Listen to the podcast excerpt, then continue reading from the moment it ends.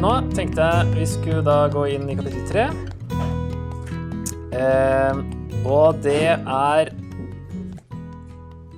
Kapittel tre, fire og fem er jo tre ord som da begynner med 'hør dette ordet'. Så da er første oppgave Kan vi finne dem i teksten? Hvor Det er ikke så vanskelig med den første, da. Hvor begynner det første ordet? Og hvem er det retta mot? Vi bare tar det nå live.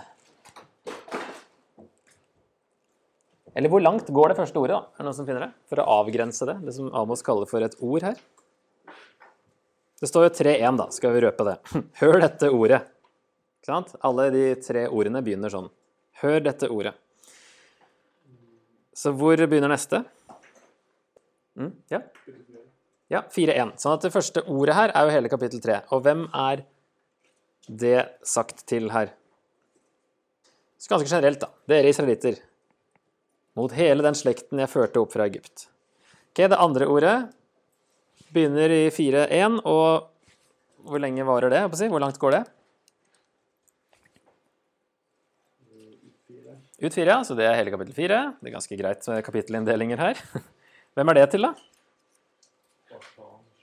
Det, dere basankyr på Samarias fjell. Og så tredje er da fra 5-1, og hvor langt? 5-1 til 17. Og det sies til Israels hus. Ja. Ok, Så er det kuene som skiller seg ut, da. Så de kan vi kikke på etterpå. Kan dere få kikke litt på den først, og så skal vi ta det sammen etterpå. Men nå tenkte jeg bare ta raskt gjennom kapittel 3. I vers 2 sier han at bare dere vil jeg kjennes ved blant alle jordens slekter. Derfor vil jeg straffe dere for alle syndene deres. Er ikke det litt rart, da? Bare dere jeg Dere er mitt folk, derfor vil jeg straffe dere. Høres litt rart ut. Uh, for litt hjelp av her, da, så står det Great calling plus great responsibility equals great consequences. Så fordi, altså De burde ha visst bedre, siden de kjente Gud og hadde loven. Og de ble utvalgt blant alle jordens slekter for å velsigne alle jordens slekter. ikke sant? Blant alle jordens slekter. Bare dere vil jeg kjennes ved. Og når dere ikke oppfører dere, dere burde virkelig vite bedre, da vil jeg straffe dere. Så Gud straffer de kanskje hardere enn de som ikke kjente ham, og som ikke hadde Moseloven går vel to i følge uten å ha en avtale? Mange retoriske spørsmål. Det er òg et virkemiddel. Dere vet jo sikkert hva en retorisk spørsmål er, da. Der forfatteren ikke forventer et svar. Brukes for å skape effekt, ikke for å samle informasjon. Ok, Hvis eh, vi sier at eh, det skal være samme svar på alle de her, da. Ja eller nei. Hva tenker dere? Går vel to i følge uten å ha en avtale? Den er kanskje litt rar. Sies ikke så mye. Brøler vel løven i skogen uten å ha et bytte? Knurrer ungløven i hulen uten å ha fanget noe? Faller vel fuglen til jorden uten at en felle er satt opp? Der begynner det kanskje å bli litt tydeligere. Spretter snaren opp fra marken uten å ha fanget noe? Er det noen som vil tippe ja eller nei? Gjaller hornet i byen uten at folket skjelver. Det har jo med å gjøre at horn varsla jo ikke sant? Det var en advarsel mot krig, f.eks. Eh, så der tenker man at man ikke kunne blåst i et horn, og folk eh, ikke reagerte. sånn at her begynner det å bli ganske tydelig nei, tenker jeg på den sjette. Og så kommer det, da. Skjer det en ulykke i byen uten at Herren har gjort det? Og så svarer jo Amos her, da, for den oversettelsen her, har nei i vers 7. Nei, Herren Gud gjør ikke noe uten å åpenbare sitt skjulte ord, skjulte råd for sine tjenere, profetene. Løven brøler. Det kan være Gud fortsatt, som i vers 1.1. Herren brøler fra Sion. Og det er løver tidligere her i spørsmålene også. Det er en del løver i Amos. Løven brøler. Hvem blir ikke redd? Og hvis det er en parallell til neste, Herren Gud taler. Hvem blir ikke profet? Ikke sant? Så er det jo løva her er Gud som brøler. Dere burde bli redd. Dere burde skjelve. For dette eh, Når Amos på en måte blåser i hornet, med eh, budskapet sitt. Og da, når Gud taler, da blir selv en sauebonde profet. Hvem blir ikke profet når Gud taler? Så retoriske spørsmål om årsak, resultat, som forventer nei som svar. Og jeg tenkte at vi må snakke litt om den her. Skjer det en ulykke i byen uten at Herren har gjort det? Hva betyr dette? Fordi hvis man søker på Amos 3,6 på internett, så finner man bilder sånn som dette her. Eksempel der man tolker eh, pandemien som at Gud har gjort det. Fordi det skjer jo ikke en ulykke i byen uten at Gud har gjort det. Og du kan faktisk kjøpe munnbind med det verset på. det hadde vært litt morsomt å ha hatt, men jeg tror det hadde sendt litt feil eh, signaler. Ok, Hva skal vi tenke om det her, da? Skjer det aldri en ulykke uten at Gud har gjort det? Er det det Amos sier? Hvis det ikke er tidløst, hva betyr det her i Amos, da? Altså, Da må vi se i kontekst. Det står i kontekst av alle disse spørsmålene. Retoriske spørsmål der alt eh, på en måte Det bygger opp da, mot vers 7 og 8. At Gud ikke gjør noe uten å si det til profetene. Og når Gud taler, da blir hvem som helst profet. Noen som tenker da, hva, hva, hva er ulykken da, og hvorfor kan vi si at det ikke er tidløst? Man må ha grunn til å si at nei, det kan ikke stemme, fordi Bibelen sier noe annet noe annet sted. Kan ikke bare si det her kan ikke stemme fordi jeg liker det ikke. Det holder ikke, sant? Jeg tenker jo, i, altså Rett før så har Amos sagt at eh, Eller vi tolker det som at Amos sine ord er som et horn som varsler en ulykke. ikke sant? Um, Gjaller hornet i byen uten at folket skjelver. Skjer det en ulykke i byen uten at Herren har gjort det? Og det er jo en parallellisme. Sant? Det hjelper oss til å ikke rive vers ut av kontekst, hvis vi husker på at det, er, det står i paralleller. Her er det byen i begge setningene, i hvert fall i den oversettelsen her. Og scenarioet er i hvert fall at det er i byen. Eh, og at horn og ulykke kanskje kan være en parallell her. da. Man blåser i horn fordi det kommer en ulykke. Og varsler folket, så folket skjelver. Så jeg tenker jo da, rent i konteksten så vi, det, Kontekst er ekstremt viktig, fordi tar man det ut, så kan det bety hva som helst. Sånn som at man kan få et munnbind med det verset på. Når, eh, for, min, for, min, del så virker det her veldig som at eh, ulykke er mest sannsynlig Guds dom i denne konteksten, ikke ment generelt. Flere motvers her er Lukas 13, 1-5 og Johannes 9, 1-3. Lukas 13 det er det Jesus sier at de var ikke noe større syndere, de som eh, ble drept av det tårnet som datt, eller de som ble drept av, av romerne i en eller annen sammenheng. Som de får spørsmål om. Var de større syndere enn andre siden de døde? Nei, sier Jesus, men omvend dere, så ikke noe verre kommer over dere. Og i Johannes 9 så spør disiplene er det han blinde mannen, er det han sjøl eller foreldra som har uh, synda? Siden han er blind.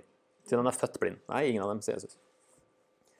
Så eh, det er noen motvers som gjør at vi må tenke at det her eh, nok, og i konteksten ikke minst, da, ser ut til å bety at ulykken kommer, asyrerne kommer, det er det som er ulykken. Og det kommer ikke overraskende på dem, som at Gud ikke har eh, sagt noe først. Ikke sant? Herren Gud gjør ikke noe. Altså Gud advarer gjennom profetene før han da ble det veldig utydelig der, før han sender ulykken. De har fortsatt muligheten til å unngå den. Alle burde skjelve når Gud brøler, da blir selv bønder til profeter. Så her er jo poenget at de har fått masse advarsler. Og profetene, alle de spørsmålene her bygger opp til at Gud gjør ingenting uten å ha varsla gjennom profetene, men dere har ikke hørt på profetene. Um, og da kommer denne ulykken, som kom i 722 før Kristus. Fra vers 9 så har vi kommet til et sånn herre søksmålsutsagn igjen. Der det på en måte blir eh, eh, Som en liten rettssak i dette budskapet. Det er jo det meste, da. er jo Peke ut hva det har gjort gærent, hva synden er, og hva straffen blir. Innkallingen her, da, for å bruke de punktene. Hvem er det som kalles?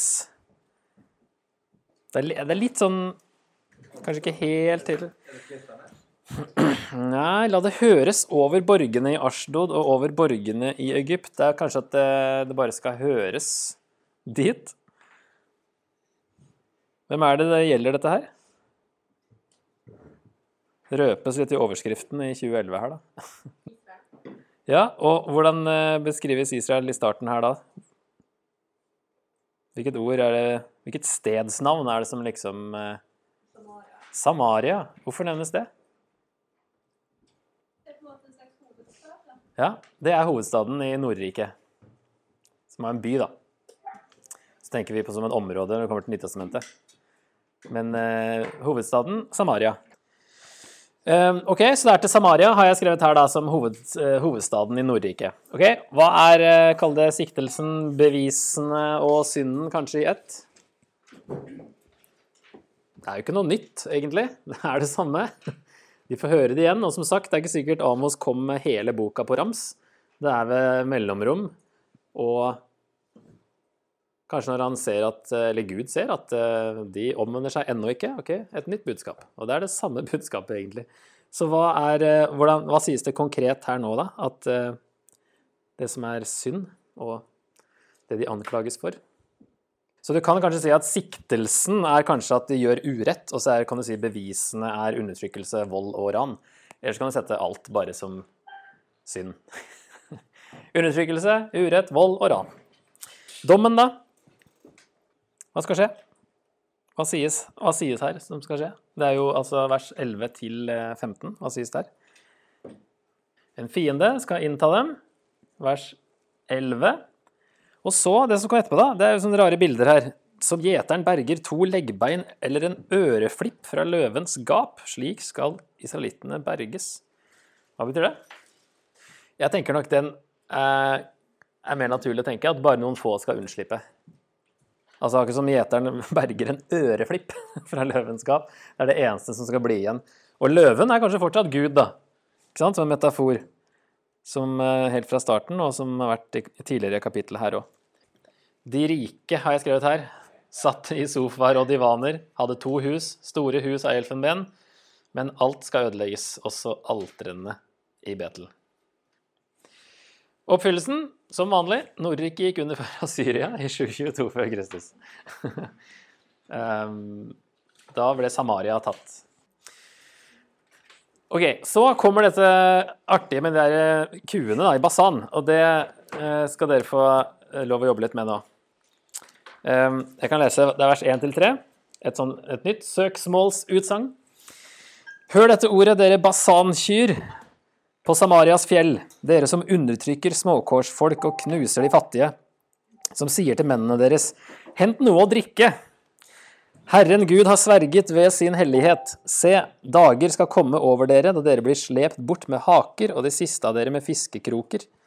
Gjennom revner i murene skal dere gå ut, kvinne etter kvinne. Dere skal drives bort til Hermon, sier Herren. Så har jeg eh, skrevet her innkalling. Hvem gjelder dette? Hvorfor Basan? Kan dere sjekke noen kryssreferanser?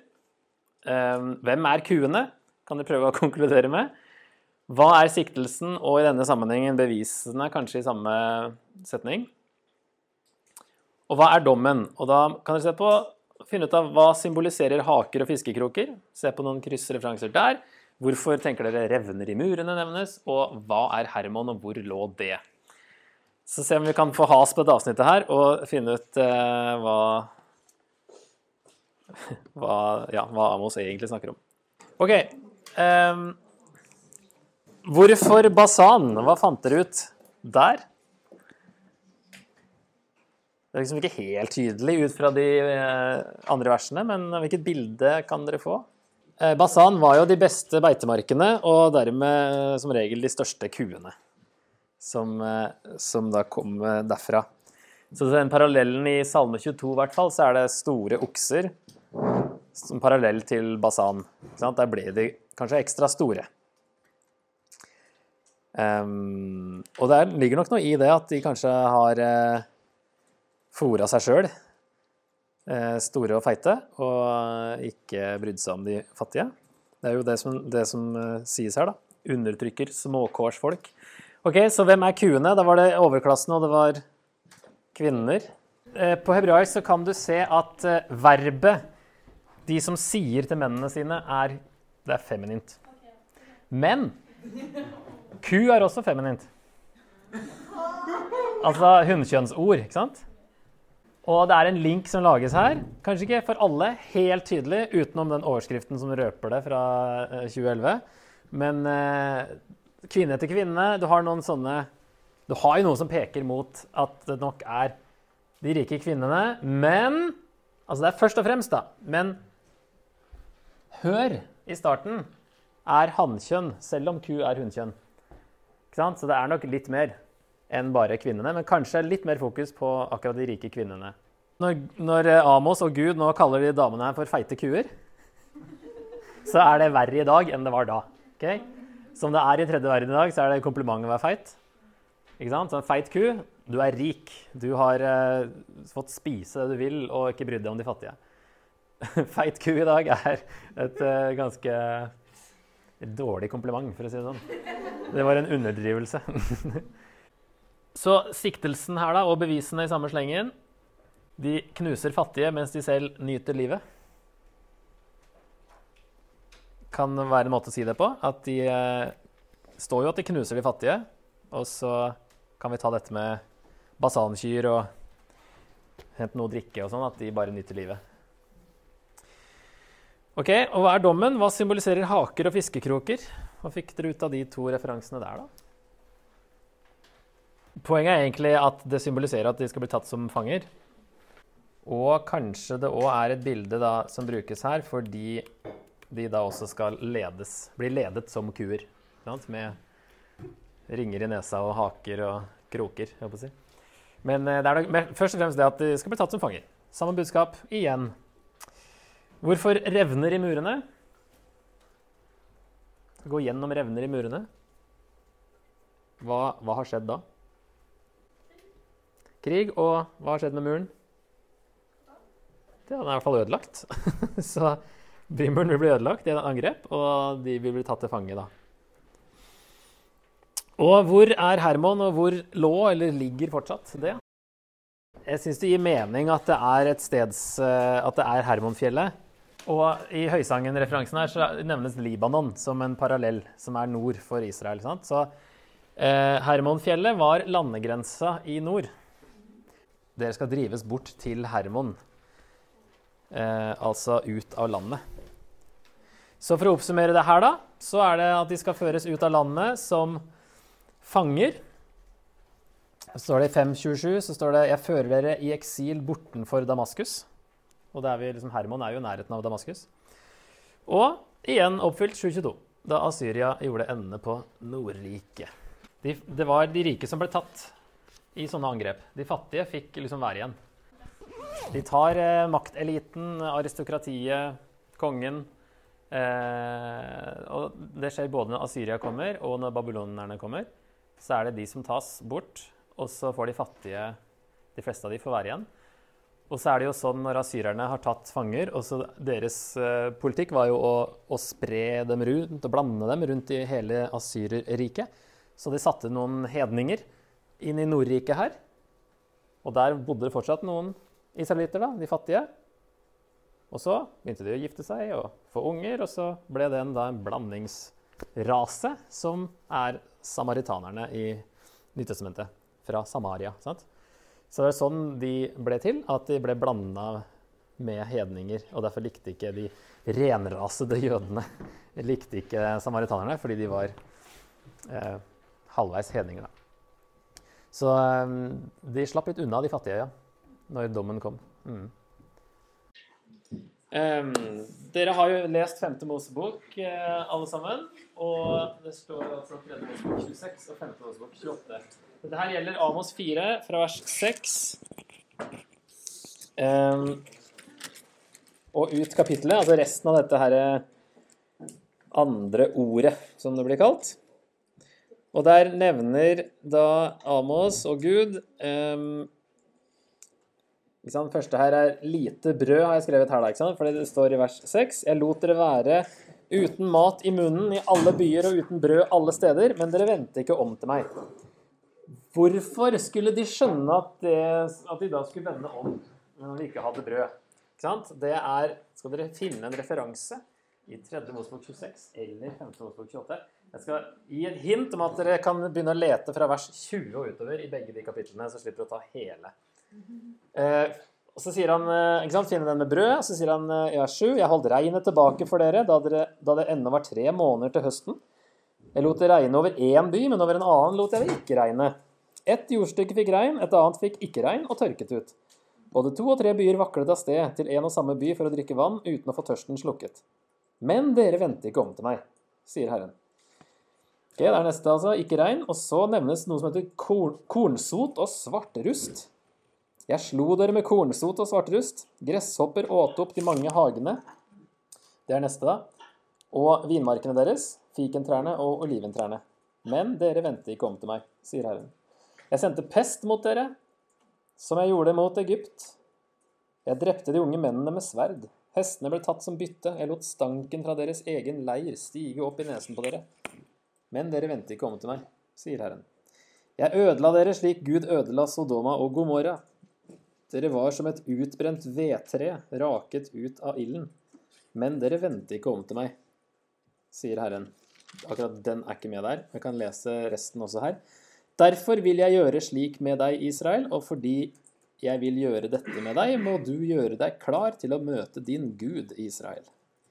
For se, han som former fjellene og skaper vinden, han som forteller mennesket hva det tenker, han som skaper morgenrøde og mørke, som farer fram over jordens høyder.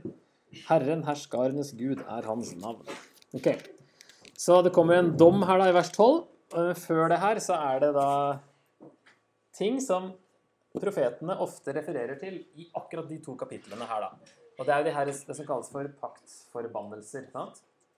Um, det er kanskje ikke jeg sa sant, men eh, det er det det, det, det kalles. Paktsforbannelser uh, som listes opp i do, de to kapitlene. Ok, Så da kan dere få filme versreferanser som uh, snakker om det som står til venstre her, i de to kapitlene. Altså, det her er jo for å si det. Nå er vi i Altså, I de kapitlene så ramses det opp velsignelser som Gud skal gjøre. Ikke sant? Det er en pakt, sånn man, Når man inngikk en pakt, så var det alltid, selv om det var mellom to mennesker, så på slutten av paktsdokumentet man skrev, så skrev man opp paktsvelsignelser og paktsforbannelser. Sånn at eh, hvis du holder pakten, så skal den andre parten gjøre det og det, masse positive ting mot deg. Hvis du bryter pakten, så har den andre lov til å gjøre masse negative ting mot deg, som straff. Og det står, ikke sant, så Nå har vi hoppa over alt det positive, og så ser vi bare på det negative, eh, som er det som heter paktsforbannelsene, som var ting Gud skulle gjøre hvis, og kom til å gjøre hvis Israel ikke holdt pakten. Og Spesielt i 5. Mosebok så kalles det for tegn. Så de skal skjønne at det er tegn på at de har forvilla seg bort fra Gud. Det er ikke bare at Gud har lyst til å straffe. Det er for å få dem tilbake, få dem til å våkne opp. Jeg har tatt det som var fra tredje Mosebok 26.26. Når jeg bryter i stykker brødstaven for dere, skal ti kvinner steke brød i en og samme ovn. De skal gi dere brødet etter vekt, og dere skal spise, men ikke bli mette. Eh, ikke regn. Og jeg har tatt med verset før også. Himmelen over hodet ditt skal bli til bronse. Og jorda under deg til jern. Så det er bilder ikke sant, om at eh, det blir ikke noe regn. Så, eh, men det er altså når det ikke regna Nå er det jo for det første ikke sant, annet klima. Det var veldig avhengig av regn. Eh, for å få avlinger. Og så I den pakten de var med Gud, så skulle Gud faktisk sørge for regn. Og når det ikke kom regn, så burde de ha skjønt at hm, vi er kanskje ikke der vi burde være. Ok, Hva med kornsot og svarterust? Tørke og mugg. Tørke og mugg. Det er da tydeligvis kornsot og svartrust. Lite får det høste inn, for gresshoppene eter opp. Ja, mye korn skal du så. Men gresshoppene kommer. Ok. Eh, pest som mot Egypt. Biller, skabb og skurv. Høres ikke noe koselig ut. Jepps. Det burde være en sånn Oi, det her hadde ikke skjedd om vi hadde holdt oss til Gud. Det er altså ikke tidløse sannheter. sant? Dette var en annen pakt med en, en annen, et annet arrangement. Sånn at eh, blir man sjuk i dag, så betyr det ikke at Gud har forbanna deg. bare at det er sagt. Hva burde dette ha fortalt israelittene for lenge siden? Når Amos kommer og sier dette her Gud, har, Gud, sier 'Jeg har gjort det og det og det og det'. og det, og det. Masse ting fra disse paktsforbannelsene. Men dere venter ikke om til meg. Ok, Hva burde de ha skjønt? At de hadde brutt pakten. Disse paktsforbannelsene burde ha fått dem til å omvende seg for lenge siden. De burde ha skjønt det for lenge siden, at de var borte fra Gud. Hva forteller det oss om Gud? Eh, Det jeg har her, er at han har advart dem mange ganger tidligere. Han er en barmhjertig og nådig Gud, sen til vrede. Det er jo sånn han presenterer seg i 2. Mosebok 34 for Moses, når han liksom skal vise seg for Moses, og så roper han ut liksom eh, navnet sitt og, og si, sine egenskaper. Og der er sen til vrede er en av det. henger sammen med tålmodighet. Eh, og det henger sammen med at han er trofast mot pakten, men at han er sen til vrede. Så når, den, der, når asyrerne kommer i 722, så er ikke det bare sånn ut av det blå. Gud har venta lenge, lenge, lenge, advart dem mange, mange ganger. Eh, men de hørte ikke. Men dere vendte ikke om til meg. Det er jo et refreng som går igjen flere ganger her, og det er en gjentagelse som er et poeng. Få inn det at eh, de burde ha vendt seg om for lenge siden. Han advarer dem igjen gjennom Amos. Altså Etter å ha advart dem mange ganger før gjennom paktsforbannelsene, så advarer han dem igjen gjennom Amos, og han ønsker omvendelse. Så kommer dommen fra vers 12 og fortsetter sannsynligvis inn i kapittel 5, sånn at det tredje ordet er kanskje henger sammen med dommen på dette andre ordet. For der i kapittel 5 så snakkes det om som en likklage, står det her i 5.1. Og i vers 2.: Hun er falt, hun reiser seg ikke mer, jomfru Israel. Hun ligger forlatt på egen jord, ingen reiser henne opp. Der snakkes det i fortid, som om det har skjedd allerede. Så det er på en måte en sånn visualisering av hvordan det kommer til å bli når en snakker om det som om det har skjedd, og har en likklage, sant? sånn klagesang over at noen er død. Her Israel da personifisert som en som kalles jomfru Israel. Dette vedropet det her er noe av det mest spenstige, syns jeg, da, i uh, Amos. Jeg syns dette er kjempegøy og frekt og utfordrende. Men det, det første V-ropet, altså fra 518 til uh, 27, som starter med å si Ved dere som lengter etter Herrens dag. Um, så først er det en kunngjøring om nød, og det gjelder da de som lengter etter Herrens dag her. Årsaken til det det er jo egentlig det samme som synd og synden da, som er blitt gjort. Det står videre at uh, Hva vil dere med Herrens dag? Den er mørke og ikke lys. Den ligner en mann som flykter fra løven og treffer på, treffer på bjørnen. Og når han kommer hjem og støtter hånda mot veggen, biter slangen ham. Ja, mørk er Herrens dag og ikke lys. Dyster og uten lysskjær. Så for de som ikke står i rett relasjon med Gud, har jeg da tolka det som at da er Herrens dag mørk, som vi så snakka om i går. Eh, de som Israel, Guds utvalgte folk, ikke sant, eh, tenker at når Herrens dag kommer, når Herren griper inn, så er det alltid til vår fordel. Og så sier Amos og Gud her at eh, stakkars dere som lengter etter Herrens dag, for den er mørk for de som ikke er på rett side. Og det er tydeligvis ikke de her, da. Så spørsmålet er da hvorfor er de ikke i en rett relasjon med Gud? Og da vil vi lese de versene, bare, så kan dere prøve å svare på det spørsmålet. 21-26. Det syns jeg er veldig, som sagt, veldig festlig. Overraskende, tenker jeg. Jeg forakter, ja, hater festene deres. Høytidssamlingene holder jeg ikke ut. For om dere bærer fram brennoffer eller grødeoffer, vil jeg ikke ha dem. Og fredsofrene deres med gjøkalvkjøtt vil jeg ikke se. Fri meg fra de støyende sangene dine, jeg vil ikke høre på harpespill.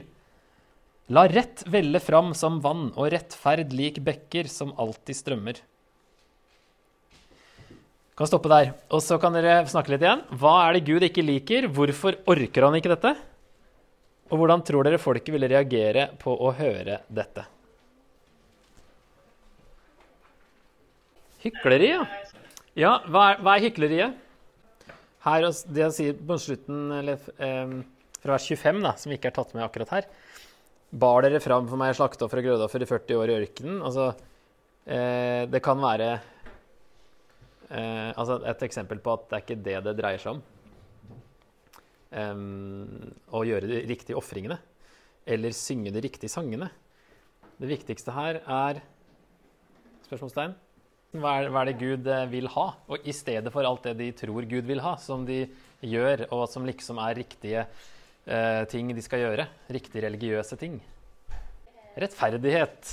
Vers 24. La rett velle fram som vann, og rettferd lik bekker som alltid strømmer. Og de, de gjør liksom alle de riktige religiøse tingene, men Gud sier at han forakter og hater disse høytidene de holder. Jeg holder det ikke ut. Vil ikke ha ofringene. Og de støyende sangene. Jeg vil ikke høre på harpespill. Sant? Og jeg syns eh, syns det er veldig gøy å sjekke da The Message. Nå har vi den til venstre her. Det som står Det er kraftig nok, som det står. Og så kommer det på The Message. Jeg syns det er utrolig bra. I can't stand your religious meetings. I'm fed up with your conferences and conventions. I want nothing to do with your religion projects, your pretentious slogans and goals. I'm sick of your fundraising schemes, your public relations, and image making. I've had all I can take of your noisy ego music. When was the last time you sang to me? Do you know what I want? I want justice, oceans of it. I want fairness, rivers of it. That's what I want. That's all I want. Så spørsmålet nå Hva med oss? Ikke sant? Hva slags budskap kan de versene her si til oss eh, i vår kontekst? Får som sagt litt hjelp av å sette det i kontekst, kanskje, fra The Message. Selv om det er jo en tolkning. Men eh, mye interessant der. OK. Eh, eh, jeg burde ha visst det her eh, for lenge siden, kanskje. En, et kart over området vi har holdt oss i. Så du kan se litt uh, Asyrerriket, da, hvor stort det var. Nå er det jo her i to steg. da. Det ble jo mye større når de begynte å ekspandere igjen da, på 700-tallet, som vi så på den oversikten. Sånn at Ja, det mørkegrønne er jo da det det var uh, på et tidlig stadium. Og så et, på 7, eller 671 så var det kanskje da på sitt største. Um, og da har de jo tatt um, Egypt også, som, ble, som, tas da i, i 671. Som det er litt senere enn Amos igjen. Men de er liksom på offensiven, tar for seg, er sterkere og mer brutale enn alle andre. Og, og bare utvider og utvider. Så hovedstaden er jo Ninive. Uh, her Så det er jo ikke, det er, altså er ikke rart at uh, Jonah ikke vil dit. Dette her er jo liksom det verste av de verste. Hvorfor skal han dra dit med et budskap om at de uh, kan bli frelst hvis de omvender seg? Han vil jo bare at de skal gå under, og at Gud skal la dem gå under. Så stort område. Israel er jo bare her. En liten en her. Ganske lite i forhold til dette massive verdensriket. Og så tenkte jeg Vi eh, må vel så vidt innom kapittel 6, eh, men bare så vidt. Før vi kommer til de eh, fem visjonene som Amos har, og så frelsesbudskapet til slutt. For det er jo det andre V-ropet i kapittel 6. Jeg vet ikke om det står at de ligger og drar seg i alle oversettelser, men det, de får fram noe av det poenget her med hvordan de altså, skråler til harpespill som om de var David, og bare ligger på divaner. Strekker seg på divaner. Så det er jo Man har liksom litt sånn grunn til å bruke litt eh, freshere språk, kanskje, i en norsk oversettelse òg, da. Selv om det kanskje ikke er et eget hebraisk ord for å ligge og dra seg, så er det i hvert fall et norsk uttrykk som får fram litt eh, kontrastene her, da. At eh, dette skal det bli en slutt på. Så det er jo ikke, så, er ikke noe annet egentlig enn det vi har sett så langt av eh, budskapet til Amos. Kunngjøringen om nød her er jo det som nevnes i vers 1 og 2. De, de sorgløse og trygge, de gjeveste blant folket, de voldelige, som tenker at ulykken aldri kommer. Dere vil jage jeg skulle vært vers 3 og vært med der, da. Dere vil jage ulykkesdagen bort, men setter vold i høysetet. Vers 1-3 sier at eh, det kommer ikke noe dom. Det kommer ikke noe 'vi har det bra, Gud gjør ingenting', eller 'Gud bryr seg ikke', eller 'Gud er på vår side'. Um, og så har de ikke hørt på budskapene så langt fra Amos, så kommer det enda et sånt 'ved dere, sorgløse'. Årsak for nøden som kommer, altså hva er synden, for å si det på en annen måte, da? At de lever i luksus. Fester uten ærefrykt for Gud. Og jåler seg. Bryr seg ikke om at andre lider. Det er tatt ut fra vers 5 og 6. De skråler til harpespill som om de var David. Drikker vin av offerskåler. Det er jo ikke helt rett å gjøre. Bruke det som eh, var det man skulle bruke i ofringene. Um, smører seg med den fineste olje, og de lider ikke under Josefs sammenbrudd. Altså, landet holdt på liksom å gå under, eller fattige lider, og de bare har det fint og bryr seg ingenting. Undergang og dom, det er jo det samme igjen. De skal drives i eksil, fremst blant de bortførte, som han sier i vers 7. Uh, og uh, her har jeg også et uh, sitat fra The Message, da, som, er, som får det liksom litt mer hjem til oss. har det også på engelsk her. Wow er jo det engelske for ved. Woe to those who live in luxury and expect everyone else to serve them. Woe to those who live only for today, indifferent to the fate of others. Woe to the playboys, the playgirls who think life is a party held just for them. Woe to those addicted to feeling good, life without pain. Those obsessed with looking good, life without wrinkles. They could not care less about their country going to ruin.